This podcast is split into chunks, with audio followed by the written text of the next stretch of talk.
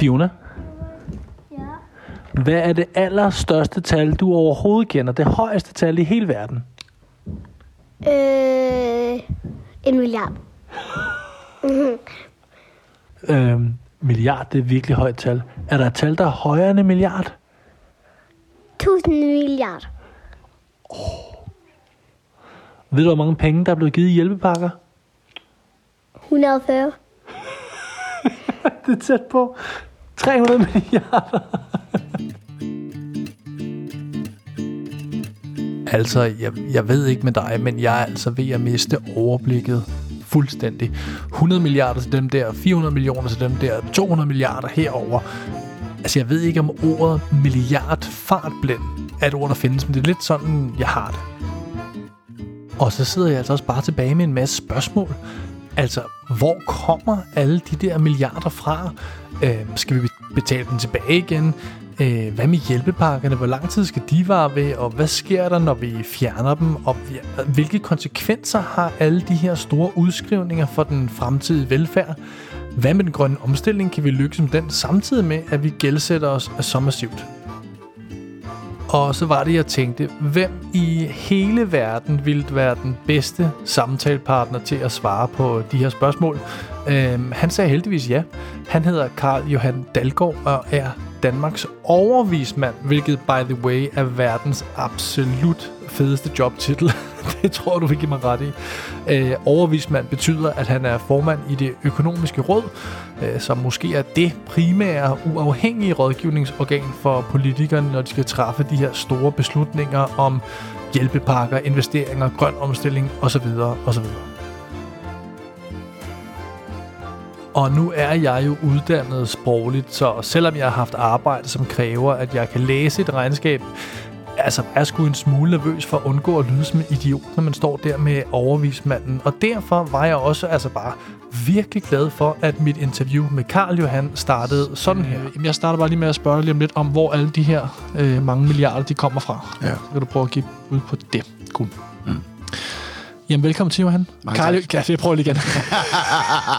det er godt. Det er godt. Så er jeg ligesom kommet. Det gør jeg altid for at få gæsten til at føle sig tryg. Ikke? Ja. Strålende. Det er den gas. Ah, men for fanden altså.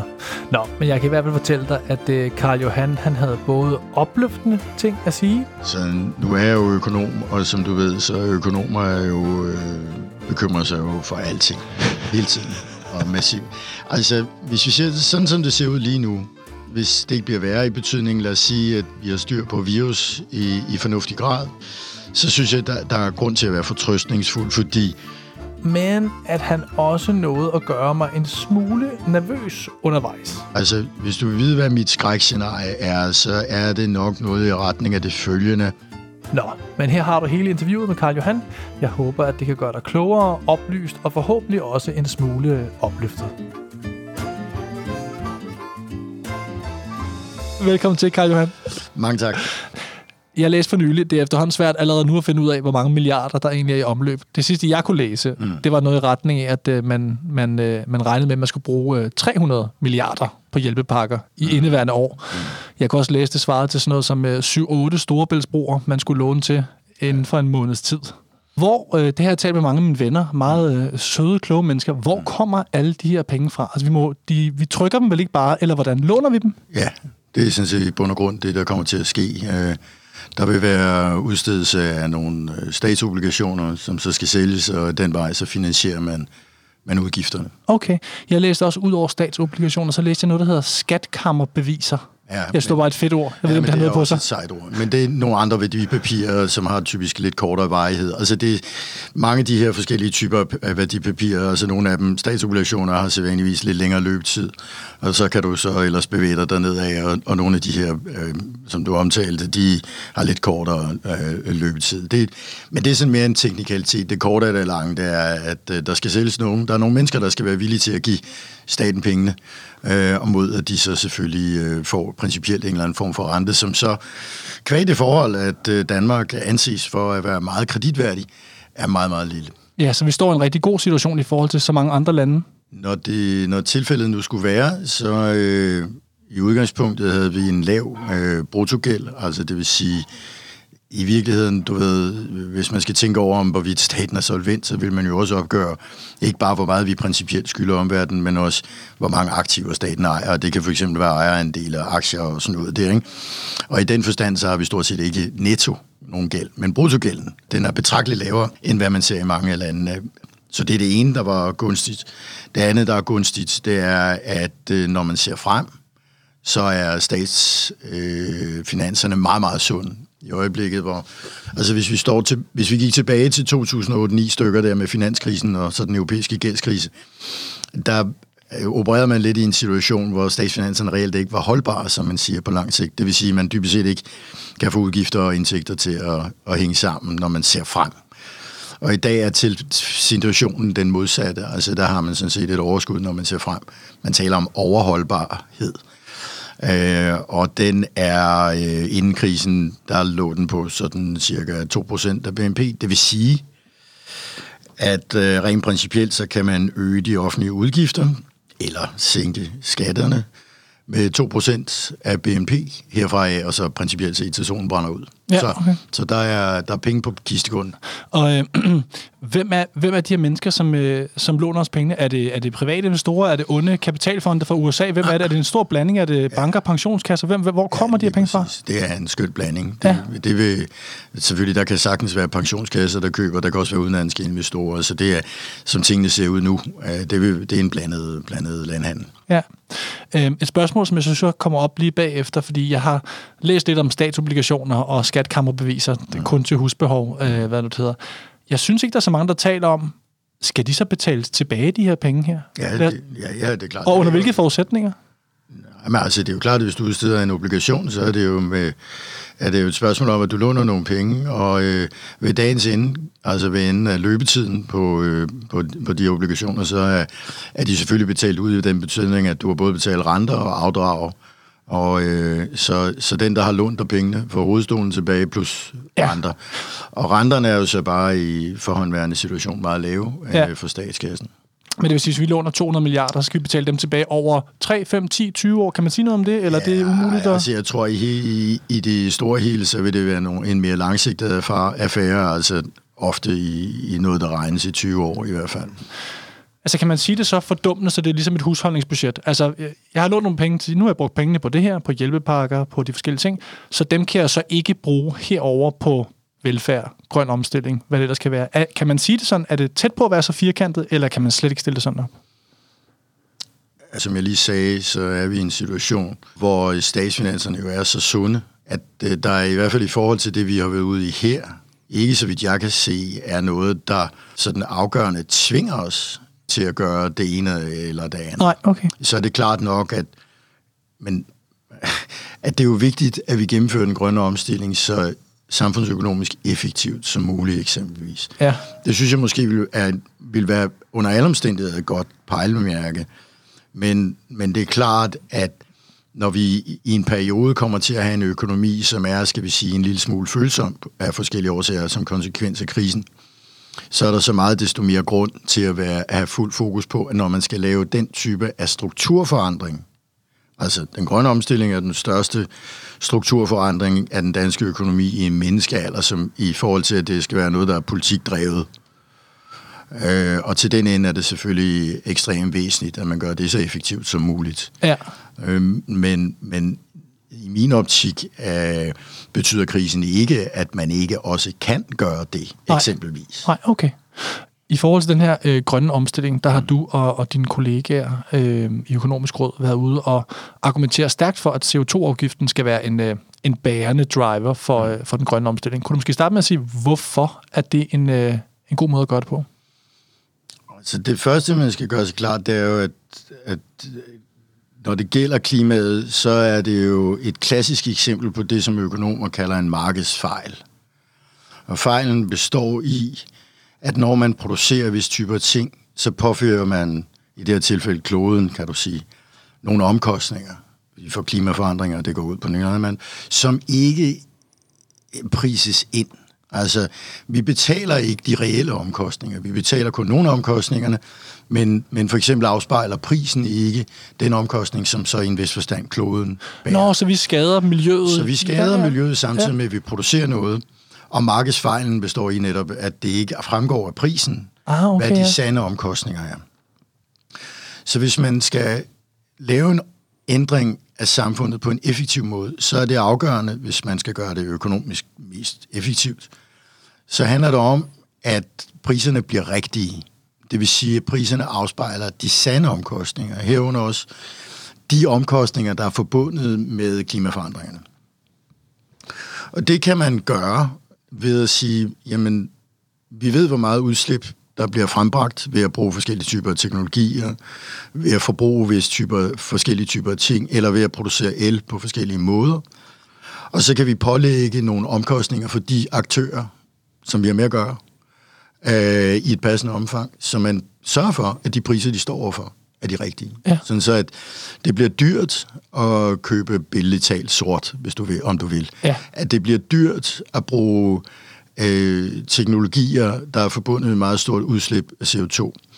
Og at det bliver dyrt på en eller anden måde at levere, lad os sige, elektricitet, som ikke kommer fra noget bæredygtigt. Og det, der jo er sagen, det er, i langt hovedparten af de her tilfælde, så kan vi med ret stor præcision jo måle, øh, hvor meget udslip der finder sted. Derfor Ja. så kan man meget enkelt fra centralt hold designe øh, skatterne. Altså, Ja. hvor, hvor meget skal de forskellige aktører, alt fra forbrugere nede i køledisken til, til kraftværkerne og sådan noget, hvad, hvad skal de betale for, at vi så får, at priserne bliver rigtige? Ja.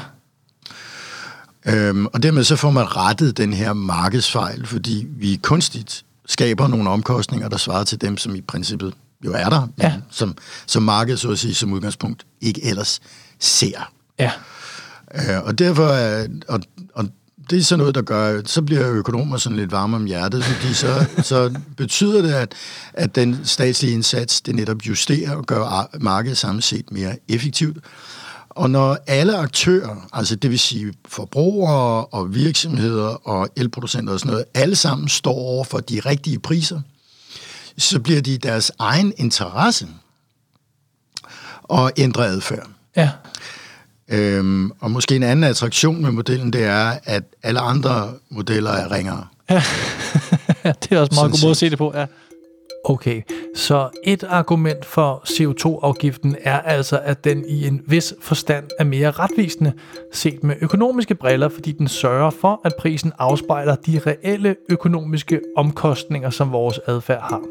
En anden attraktion er, som Karl Johan så smukt formulerer det, øh, at andre modeller simpelthen bare er ringere. Men hvorfor beskatte noget sort? Altså kunne vi ikke i stedet for at beskatte noget sort, øh, i stedet for bare støtte noget, som er grønt? Jamen det spurgte jeg Karl Johan om, og der kommer han som en længere forklaring, der inddrager det meste af grøntafdelingen nede fra Superbosen. Prøv lige at spidse ører og lyt med. Noget, som for mange mennesker er sådan lidt, virker sådan lidt mystisk, ikke? fordi det er det der med at sige, okay, men så vil du gerne beskatte noget, som er sort. Hvad nu, kan vi ikke bare så støtte noget, der er grønt?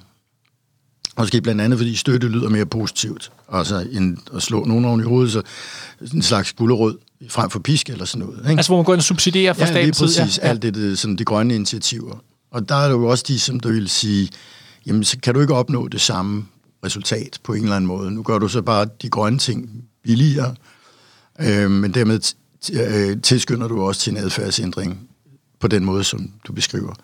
Det er bare ikke hele historien, og noget af det har noget at gøre med måling. Så lad os prøve at tage et tankeeksperiment for at illustrere, hvad det er, der er på spil her. Så helt lavpraktisk, lad os lege, at øh, vi vil have folk til at spise mindre bøffer. Fordi bøffer, altså køer, har nogle uheldige biprodukter i form af klimagasudledning og sådan noget. Ja. Og så skal folk spise, øh, lad os sige, de skal spise mere grønt. Lad os sige kartofler og gulerødder. Og lad os lege, at kartofler og gulerødder, det er, øh, det belaster overhovedet ikke klimaet. Det kan godt være, at de gør det i praksis. Ja, men lad os jeg forstår tankeeksperimentet, ja. sige det, ikke? Nå, så det vi nu vil, i stedet for så altså at beskatte bøfferne, som var det, jeg lige sagde før, så lad os lege, at vi i stedet for, at vi prøver at nå det samme ved at støtte kartofler og gulerød. Hvordan kommer det nu til at ske? Ja, for det første skal vi beslutte os til, hvor meget vi skal støtte kartoflerne og gulerødderne med. Det er egentlig ret svært at afgøre, for de gør begge to noget grønt i vores tankeeksperiment. Så hvem skal have mest?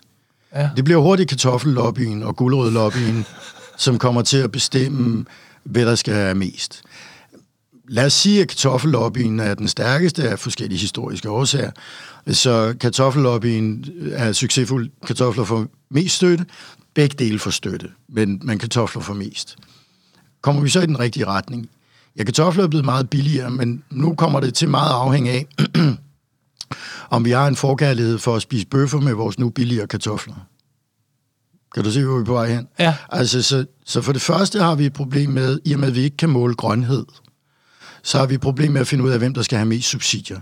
I næste instans har vi det problem, at vi meget let kommer til at skal have nogle utilsigtede sideeffekter øh, af det. Altså det er det her med, at vi muligvis kommer til så at købe øh, flere bøffer med vores nu øh, billigere kartofler. Og husk på, at i og med, at vi har støttet, så har du faktisk råd til at købe flere bøffer, hvis det skulle være. Ja, okay. Ja. Altså, så, så dermed så får det også hurtigt nogle utilsigtede konsekvenser, fordi vi skal virkelig have styr på, hvis vi, hvad skal I så i givet fald støtte mest? Og i udgangspunktet ved vi ikke, hvad der skulle støttes mest. ja.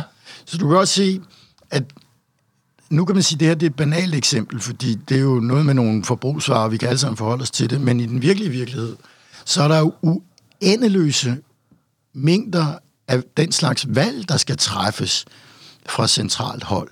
Og mange af dem vil handle om teknologivalg. Ja. Der er rigtig mange teknologier, som øh, er, er grønne i en eller anden forstand, men de er bare ikke alle sammen lige effektive. Eller i hvert fald ikke lige effektive for alle virksomheder. Så det vil sige, CO2-afgiften, det er, det er både det element, at den med ret stor sandsynlighed kan forudsige øh, forbrugeradfærd, men ja. det er virkelig også instrumentets simplicitet, som jeg hørte dig sige, der er helt afgørende. Og at vi- den lader sig implementere. Altså det er det samme, som gør sig gældende, når det handler om investeringer. Ikke? Fordi det, det lyder også enormt besnærende. Altså, det, ja, det er ikke dem, sagt, at der ikke er en masse investeringer, der formodentlig skal gennemføres, og som er velbegrundet. Men, men, men, øh, men, men, men meget ofte, så skal man også gøre sig klart, når man siger, at vi skal investere en hel masse grønt fra statslig side. Jo, jo, men hvad er det for noget, der skal investeres i? Og nogle gange så får man hurtigt nogle ladestander øh, stukket i snuden, og så siger, vi skal have ladestander op. Jamen, Okay, fint nok, men hvis du har fået dine ladestander, hvad så? Ja. Fordelen igen ved, at du får priserne til at være rigtige, er, at det bliver i alle markedsaktørernes interesse at foretage investeringerne selv, for nu er de lige pludselig rentable. For nu er det dyrt at svine, for eksempel, jamen, så skal jeg investere i sådan og sådan, for at jeg kommer videre og kan mindske mine omkostninger. Og det er i min egen interesse at gøre, og det behøver staten egentlig ikke så, og også at træffe en hel masse beslutninger om. Så du får ligesom markedet som medspiller Ja. i hele processen, og det tror jeg er fuldkommen afgørende. Så kan man jo så se, at politikerne, der er øh, Dan Jørgensen, da de kom med deres første udspil, at øh, der vil de ikke bruge CO2-afgifter i den udstrækning, som I måske havde anbefalet. Og der en af Dan Jørgensens grunde, som jo også giver mening for en normal borger som mig, det er, at den situation, vi er i lige nu, der er det måske ikke lige nu, man skal dunke folk i hovedet med ekstra afgifter osv. Hvad, hvad tænker du om den? Jeg kunne godt forstå ja, det, men ja. er det kortsigtet? Tænk sådan, eller hvad? hvad Nej, sådan? nej, det, det, er det, er en, det, er en, det er en fuldstændig rigtig bekymring. Og, og jeg kan i det hele taget godt forstå bekymringen med, med den strategi, fordi i det hele taget er det ubehageligt, det der med, at man skal til at beskatte. Fordi så tager man penge fra nogen, og, og specielt hvis man for eksempel gør hvis ting dyre, øh, hvis det for eksempel er forbrugsgoder, øh, altså de, der har, hvis, hvad kan man sige, øh, som, f- hvor den største andel af deres øh, husholdningsbudget går til madvarer, ja, de bliver hårdest ramt. Og hvem er det nu, det er? Ja, det er typisk de fattigste. Ja. Og dermed er det heller ikke... Altså, så, så der er en masse øh, også fordelingsmæssige årsager til, at, at det, er der er en forståelig øh, politisk bekymring ved den her strategi. Øh, så, men, men igen, som sagt, det første, man lige skal gøre sig klart, det er, jeg tror ikke rigtigt, at man skal operere med den mulighed, at der er alle mulige andre veje, man kan gøre det her på, hvis man gerne vil for eksempel til 70 procent i 2030. Så, så er der noget pres. Så, så flytter diskussionen ligesom et andet sted hen, og diskussionen bevæger sig så dermed hen og sige, hvordan kan man nu indfase de her ting, sådan så at øh, det bliver øh, mere håndterligt i forhold til den krise, som økonomien jo er i. For selvfølgelig har du helt ret. Altså, man kan ikke midt i en situation, hvor måske ledigheden vokser med 100.000 mennesker, så siger i øvrigt, nu skal I bare se nogle CO2-afgifter. Altså, det er ikke lige øh, med. Men, så det, vi eksempelvis har ført til tors, men jeg tænker, at det er en diskussion, man, man kan føre videre, det er at sige, men man kan godt forestille sig en model, hvor vi aftaler, at CO2-afgifterne herfra og så ud imod 2030 skal stige på en bestemt måde, sådan så vi rent faktisk kommer i mål. Og det er baseret på, at vi ved, hvordan vi skal gøre det, og adfærd og alt det der. men hvor man måske ikke starter allerede i 2021 med kolossalt høje afgifter, men meget, meget, meget lave afgifter. Og så vokser de over tid, i takt med at også økonomien kommer. Så det er det ene. Det andet, man skal gøre sig klart, det er, når vi begynder at opkræve flere CO2-afgifter, så kommer der et proveny. Der Ja. kommer penge i statskassen.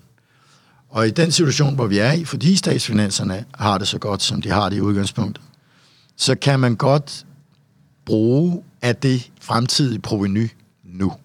Okay. Og det kunne man for eksempel gøre ved at underfinansiere en reform, hvor man siger, nu mindsker vi for eksempel øh, elafgifterne, som jo desværre også er afgift på øh, el, der er lavet på Ja. vindmøller, ikke? Så, så de skulle under alle omstændigheder øh, omlægges, hvis vi begynder at opkræve øh, CO2-afgifter. Så nu opkræver man nogle højere CO2-afgifter fremadrettet, men allerede nu, så reducerer man elafgifterne. Så stimulerer man sådan set, mindsker man omkostningerne for de dele af erhvervslivet, der betaler øh, øh elafgifter. Okay, så lige for at uh, summere op. En måde at arbejde med CO2-afgifter uden at smadre økonomien fuldstændig, det er altså ifølge Karl Johan at lave en aftale nu, hvor man bliver enige om, hvordan man indfaser afgifterne, og så simpelthen bare gør det stille og roligt i starten. Og det proveny, som øh, staten så får over tid, altså de penge, staten tjener til statskassen på den her afgift, kan vi så på grund af vores sunde økonomiske tilstand allerede bruge øh, med det samme, inden de er tjent, til at sænke afgiften på el, og dermed sætte endnu mere fod under omstillingen. Nå, ikke mere om CO2-afgifter i det her interview.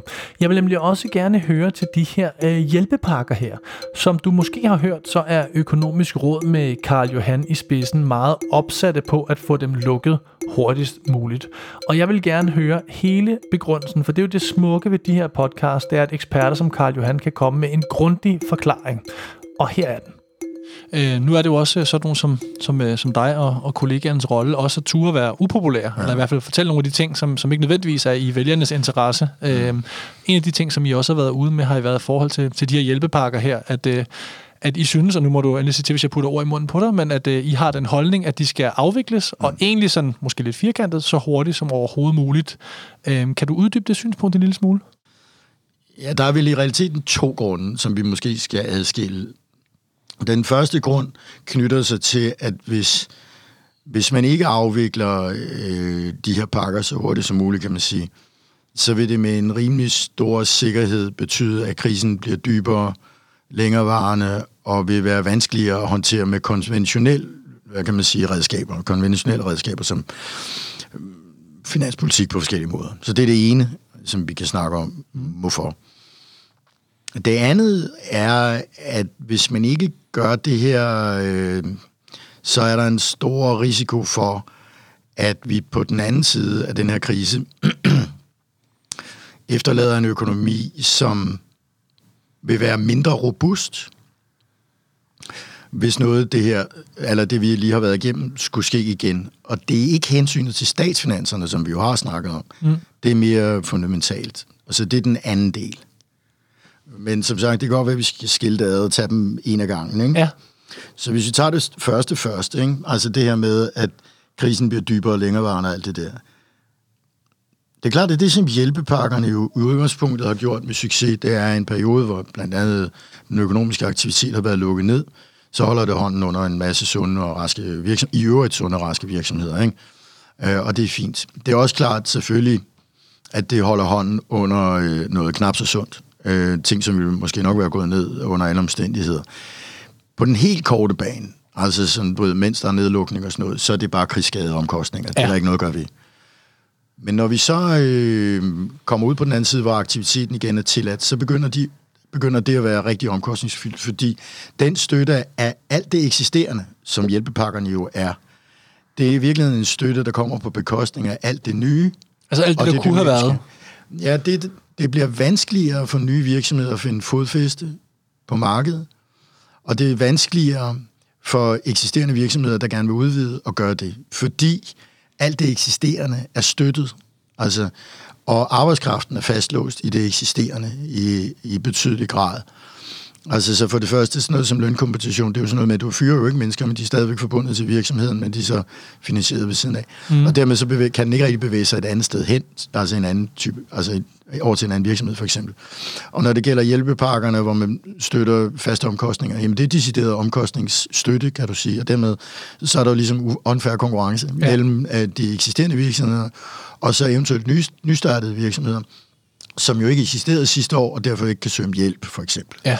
Og, og netop det der med, at arbejdskraften ikke kan flytte sig, det gør det også vanskeligere så altså for, for, for eksisterende virksomheder, som gerne vil være større, for eksempel, for de kan ikke få fat i arbejdskraften øh, særlig let. Så det, som jeg taler ind i her, det er, at der er altid sådan i en markedsøkonomi en vekselvirkning mellem ting, der går ned eller skrumper på den ene side, og så det nye, der opstår, eller eksisterende, som bliver større på den anden side. Mm. Og den der vekselvirkning, det er i en eller anden forstand, øh, kan man se det som markedsøkonomiens pulslag. Og det pulslag er afsindig vigtigt, fordi det er dybest set det, der er motoren, når produktiviteten gradvist kan gå op i et samfund over tid. Fordi det nye og det, der ekspanderer, er i reglen mere produktivt, end det, der går ned. Ja. Eller bliver mindre og dermed så går gennemsnitsproduktiviteten jo op, og med højere produktivitet følger muligheden for højere lønninger eller større beskæftigelse.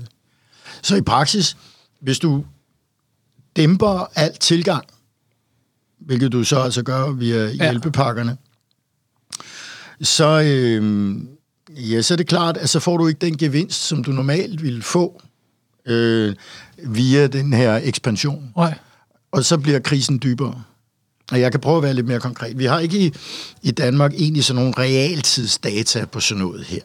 Men det er man andre steder i verden, for eksempel i USA. Så hvis man kigger på øh, april måned eksempelvis, øh, som var sådan en fuldstændig horrorshow øh, i USA, ikke? og der var en masse medierne om, hvordan ledelsen gik fuldstændig gennem taget og sådan noget. Øh, selv i sådan en situation virker den her vekselvirkning. Så i USA var det sådan, i, den, i april måned, sådan, sådan som jeg husker tallene, det kan jo være, at der er nogle decimaler smutter, men at hver gang man mistede 10 arbejdspladser, så blev der skabt tre nye.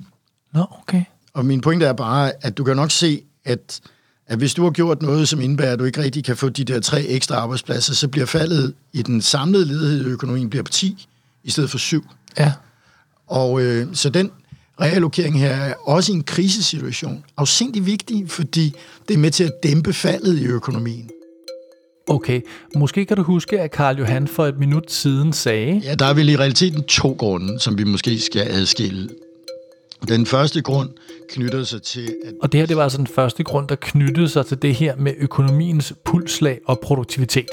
Øh, det var den første grund. Jeg var så optaget af at forsøge overhovedet at forstå, hvad Karl Johan fortalte mig i samtalen, øh, at jeg fuldstændig glemte alt om, at der jo også var en grund nummer to. Øh, men pludselig ud af det blå, 20 minutter senere i samtalen, der kommer Karl Johan selv i tanke om det. Det tror jeg ikke, jeg fik forklaret. Så den er lige blevet klippet ind her. Altså et andet problem med hjælpepakkerne. Det og her kommer den anden grund. Den handler om, at hjælpepakkerne ikke stimulerer robusthed og derfor gerne skal afvikles. Prøv at høre, hvad Karl Johan har at sige om det. Så det her med, at krisen bliver dybere og længerevarende, er, er ligesom som sagt det, det ene problem. Det andet problem er det her med, at hjælpepakkerne risikerer at efterlade os med en økonomi, der ikke er så robust i forhold til øh, fremtiden, som den kunne være. Hvad er det, det øh, hvad skal det betyde? Altså, i de bedste af alle verdener, så vil vi jo gerne have, at øh, hele det danske erhvervsliv jo også tager pejling af det forløb, vi lige har været igennem, og den krise, vi har været igennem. Og på den basis sætter sig til at overveje, øh, hvad kunne jeg for min egen konkrete virksomhed eventuelt gøre, sådan så jeg blev mindre følsom over for, lad os sige, det, som vi lige har været igennem. Og så kan du spørge, jamen, hvad er det for nogle overvejelser? Jamen, det ved jeg ikke præcis. Og det, der er så meget, jeg ikke ved, så det kan du sige, det er jo ikke så stort et problem. Men det, der er problemet, det er, det er der ingen, der rigtig ved på centralhold. Det er ingen, der kan sige. Men det er klart, at, at hvis man følger med i radioen en gang imellem, så kan man høre erhvervsfolk snakke om det hele tiden. Ikke? Og det, det kan være mange forskellige typer ting, afhængig af, hvad det er for en virksomhed. Noget af det kan handle om, hvordan skal forsyningskæderne for min virksomhed se ud? Hvordan... Øh, hvordan skal fabriksgulv indrettes, eller mm. et eller andet. Så der er nogle konkrete overvejelser, vi i princippet gerne vil have, at erhvervslivet gør sig. Og måske også implementere, alt den stund, at man som virksomhed anser det for at være i ens egen interesse at gøre det. Men pointen er her, at alt det, jeg lige har sagt, altså det at udtænke og også implementere tilpasninger, det er omkostningsfyldt. Ja. Og det, man så skal spekulere over, det er i et scenarie, hvor vi forestiller os, at hjælpepakker bare bliver forlænget, selv når der ikke længere er aktivitetsforbud, og man støtter løs. Øhm, hvordan påvirker det nu de enkelte virksomheders incitament til Ja. at afholde den type af omkostninger? Men du kan nok med ret stor sikkerhed sige, at det vil mindske det. Altså det er klart, at hvis man, hvis man tager ned fra den handling, som Folketinget udviser her, den adfærd, at næste gang, der måtte opstå et udbrud, så, så åbner penge igen. staten Ja. ja. pengepunkten. Så bliver mit incitament til at foretage øh, tilpasninger selvfølgelig dramatisk øh, reduceret. Og det betyder, at du skaber et systemisk problem. Fordi sandheden er jo, at hvis du, du ved, om fem år står med covid-20, for at sige det lidt populært, øh, og der er ingen tilpasning af erhvervslivet af nogen som helst art i forhold til at forholde sig til sådan et udbrud der, så kan staten i realiteten ikke gøre ret meget andet end at åbne pengepunkt. Ja. Åbne pengepunkt. Nå, en ting er den nuværende krise, men jeg havde virkelig brug for også at høre, øh, hvor bekymret Karl Johan var for fremtiden, altså de forskellige scenarier, han så kunne udspille sig. Øh, lige pludselig sagde han imidlertid noget, der bare fik mig til at kunne lide ham endnu mere. Hvis vi nu ændrer samtalen lidt til at prøve at kigge lidt på fremtiden, uden at vi skal sidde og kloge os på, hvad der kommer til at ske. Men Det sådan, har øh, vi fremtidsforskere. Ja. ja, de- der- jeg, jeg har ikke en på vejen i, i den her podcast lige forløbig. Det lader vi lidt Det er en lidt. skam. Så havde du mig som lytter, det er helt sikkert. Nå. Det er godt. Oh, snap. Nå, men pointen var egentlig bare at høre, hvor bekymret Karl Johan var, og det får du svaret på her. Når man møder sine, sine kollegaer og sine venner, og hvem man ellers hænger ud med, så er det som om, at folk har meget sådan forskellige intuitive sådan oplevelser af, hvor på bekymringsskalaen de ligger, hvis vi kunne have sådan en. Ja. Øh, sådan på en skala fra, sådan, øh, fra 1 til 10, hvor 10 det er total panik i forhold til fremtiden i Danmark og verden, og 1 det er, prøv at høre, slap af, det er bare et lille skulp. Hvor, hvor ligger du henne der? Altså, nu er jeg jo økonom, og som du ved, så er økonomer er jo, øh, bekymrer sig jo for alting hele tiden og massivt. Og det er ikke sikkert, at der er sådan en kompatibilitet mellem min, min skala der og alle mulige andre. Så jeg ved måske skal jeg lade være med at lige lægge det ind på en skala, men bare ja. sige noget om, hvad, hvordan jeg egentlig ser øh, tingene. Som udgangspunkt, den krise, vi står i lige nu, der mener jeg, at man stadigvæk kan bevare optimismen i retning af, at det kan være en, en relativt kortvarig affære. Og ikke dermed sagt, at det så alt er godt næste år, men, mm. men, men, men at det går hurtigere end for eksempel i forbindelse med finanskrisen. Men det er klart, at der er jo også nogle ting, som gør, at, at man kan være mere urolig på en eller anden måde. Ikke? Og det har knytter sig jo mest til forskellige former for ubekendte, dels af epidemiologisk karakter, mm. og ubekendte af mere politisk karakter. Så øh, epidemiologisk, altså hvis du vil vide, hvad mit skrækscenarie er, så er det nok noget i retning af det følgende. Øh, Øh, lad os sige, at vi næste år står i en situation, hvor vi måtte have lært, at i det omfang, at man har haft øh, covid-19 og kommet sig over den, så har det nogle vedvarende sundhedsmæssige konsekvenser af en eller anden art, som er ubehagelige. Øhm, nummer to, lad os sige, at vi også har lært, at man ikke opnår varig immunitet, selv hvis man har haft virus. Og nummer tre, at øh, en, vi, en vaccine ikke er i Emiles omkreds, og ikke til at få øje på. Altså, Ja. det er jo- altså, men, der, vi har stadigvæk ikke en vaccine mod AIDS, for eksempel. Det er også en virus og sådan noget. Så jeg, jeg tror ikke, at, nogen, at det her scenarie er, er synderligt sandsynligt. På den anden side, når jeg lytter til epidemiologer, så lyder det ikke som om, at de fuldkommen afviser, mm. at sådan noget kunne øh, være øh, et udkom. Og det er klart, at hvis det er tilfældet, så er vi i en verden, hvor rigtig mange mennesker vil have ret stor ulyst til at interagere med andre mennesker. Af ret indlysende årsager. Og noget af det, som vi jo har lært i den her krise, er, som økonomer også, er, at det er forbløffende, øh, så meget økonomisk aktivitet betinger, at mennesker omgås hinanden. Det er både, når vi forbruger, og når vi går på arbejde. Og selvom vi selvfølgelig kan tage forholdsregler, så, så ligegyldigt hvordan man vender og drejer det, så jeg forbruger er ofte associeret med, at vi er i nærhed af andre mennesker. Og så det er klart, at hvis du har det scenarie, som jeg opligner, så er det noget, der har en, en helt anden karakter, en mere varig karakter. Og det, det, altså, det, så, så sådan noget bekymrer jeg mig øh, om. Mm. Og jeg håber, at, at vi øh, får indsigter, som betyder, at man kan afkræfte, at sådan noget kan komme til at ske. Men jeg kan ikke se, at vi kan det lige nu. Men det er måske ikke særlig sandsynligt, at det er der, vi ender. Men det, det vil være noget, som vil ligge ret højt oppe på mit bekymringsskala. En, en anden ting, når det gælder den politiske del, nogle gange det, som kriser gør, det er, at de skubber bag på udviklinger, der allerede har været der. Og en udvikling eller en tendens, synes jeg, man har set igennem ganske mange år, er sådan en vis skepsis over for globalisering og interaktion og arbejdsdeling mellem lande og sådan noget der.